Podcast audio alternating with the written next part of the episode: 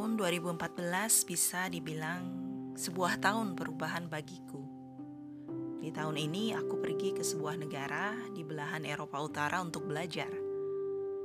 Di tahun inilah aku memulai kehidupan baruku sebagai mahasiswa lagi di usia yang tidaklah muda. Setelah penolakan-penolakan yang kuterima selama empat tahun berjuang mencari beasiswa.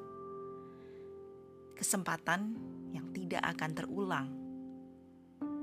Takdir ini membawaku terbang ke salah satu negara Skandinavia, Swedia.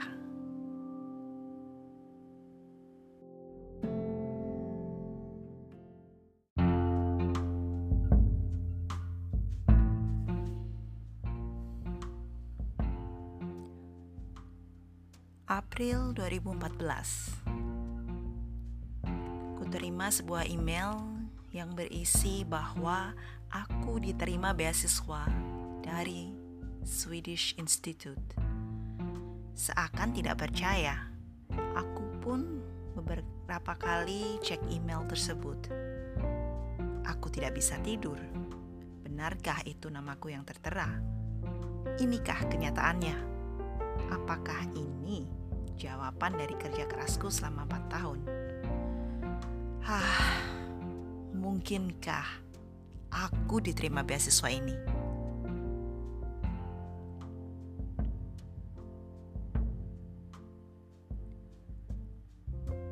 Agustus 2014 Kaki ini meninggalkan tanah air yang sudah memberikan aku pelajaran ber berharga.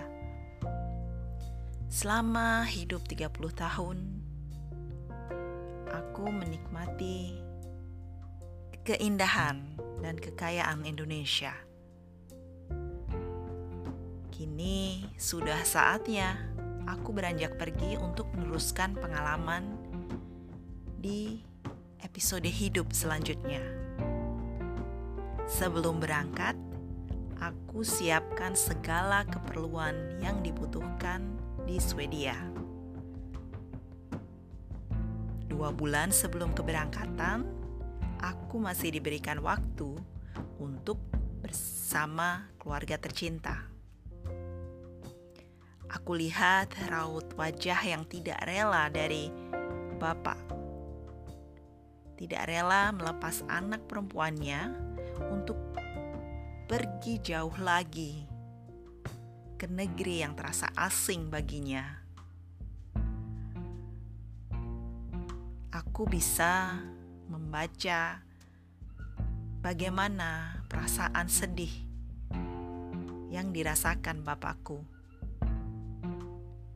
Karena bapak bukanlah orang yang bisa mengekspresikan perasaannya dia cenderung menyimpan sendiri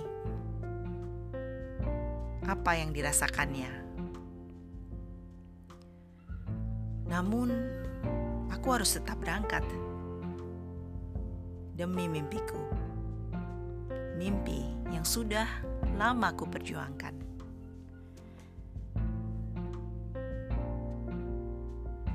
Hari yang dinanti pun tiba. Kamis 14 Agustus 2014 Aku berangkat ke Swedia Keluargaku pun menemani aku ke bandara untuk mengucapkan selamat jalan. Dengan berat hati, aku ucapkan selamat tinggal pada bapak dan kedua adikku. Air mata ini jatuh tak tertahankan. Kali ini aku pergi dalam waktu yang lama ke negara lain di belahan utara Eropa.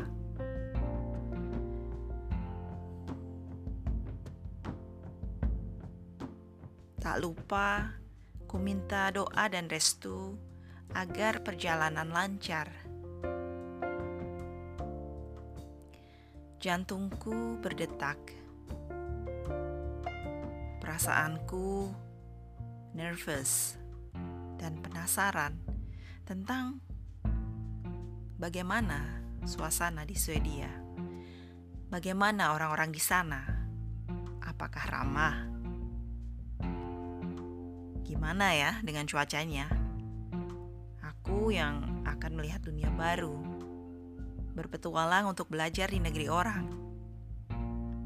Tanpa saudara, tanpa teman, hanya beberapa petunjuk dari pihak universitas. Dalam perjalanan ke Swedia, aku berangkat dari Jakarta dan transit di Qatar. Dalam perjalanan tersebut, tak lupa ku kirimkan pesan ke bapak beserta beberapa foto yang menggambarkan keadaan bandara di tempat aku transit. Perasaan ini campur aduk, seakan tak percaya bahwa aku sudah setengah jalan menuju Swedia dan aku tak sabar lagi. Tak sabar untuk menginjakkan kaki di negeri itu.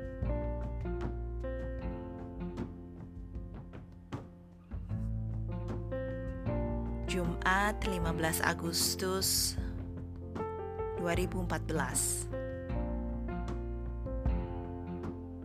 Pesawat mendarat di Bandara Arlanda, Stockholm jam 7 pagi. Arlanda merupakan salah satu bandara terbesar di Swedia. Hah, akhirnya sampai. Inilah tempat pertama aku menginjakan kaki. Sambil menunggu antrian imigrasi, aku mencari jaringan WiFi untuk memberi kabar ke keluarga di Indonesia bahwa aku sampai dengan selamat. Setelah mendapatkan cap di pasporku, akhirnya aku bisa mengambil koper. Bandara Airlanda eh, tidaklah sulit untuk dikelilingi. Semua informasi tertera jelas dalam petunjuk.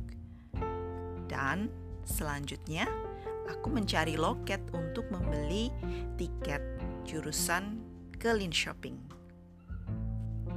Sebenarnya bisa juga sih naik kereta, tapi aku tidak tahu di mana stasiunnya karena loket bis lebih mudah ditemukan daripada stasiun keretanya. Jadi akhirnya aku putuskan untuk naik bis saja. Akhirnya bis pun datang dan aku bisa duduk istirahat sambil menikmati lalu lintas di Swedia. Sungguh sangat berbeda dengan Indonesia. Kesan pertama yaitu tertib. Semua berada pada jalurnya dan mengikuti rambu-rambu yang ada. Setelah puas mengagumi lalu lintas di Swedia, aku pun tertidur dalam bis. Perjalanan dari Arlanda ke Linköping memakan waktu sekitar 3 jam.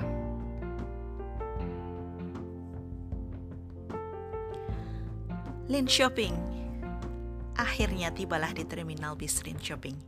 Senangnya hatiku, karena di sinilah aku akan menghabiskan waktu selama dua tahun untuk belajar.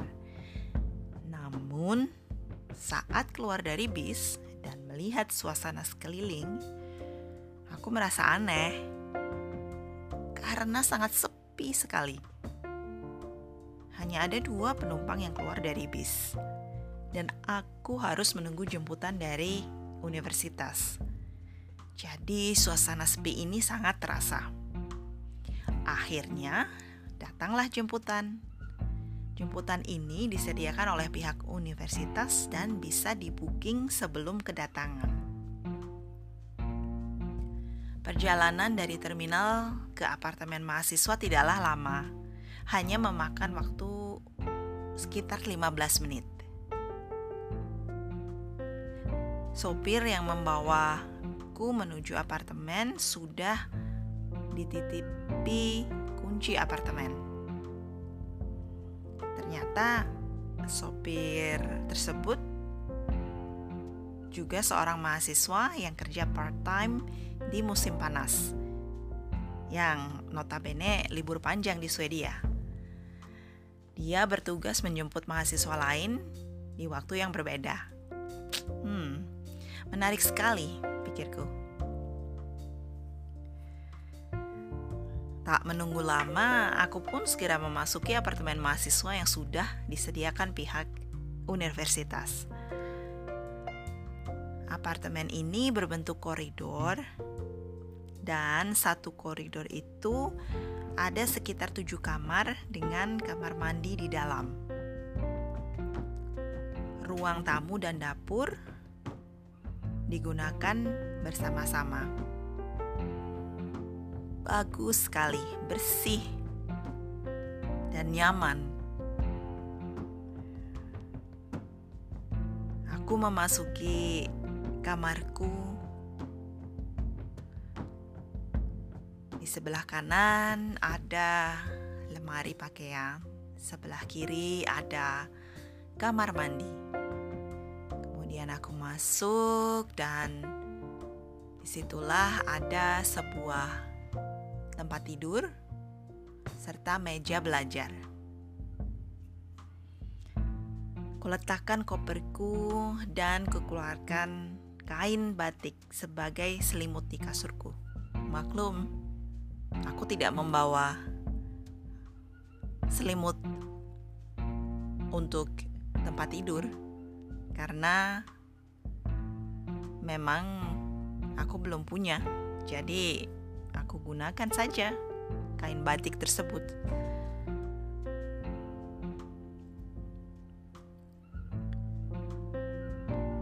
Hah, Akhirnya, perjalanan awal di Swedia dimulai.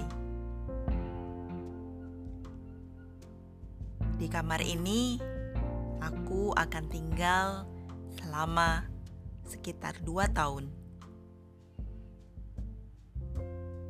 Rasa syukur dan bahagia karena kerja kerasku berbuah hasil. Walau ada rasa sedih karena harus meninggalkan keluarga yang ada di Indonesia. Namun, inilah jalan yang sudah aku pilih. Jalan sudah dibukakan untukku.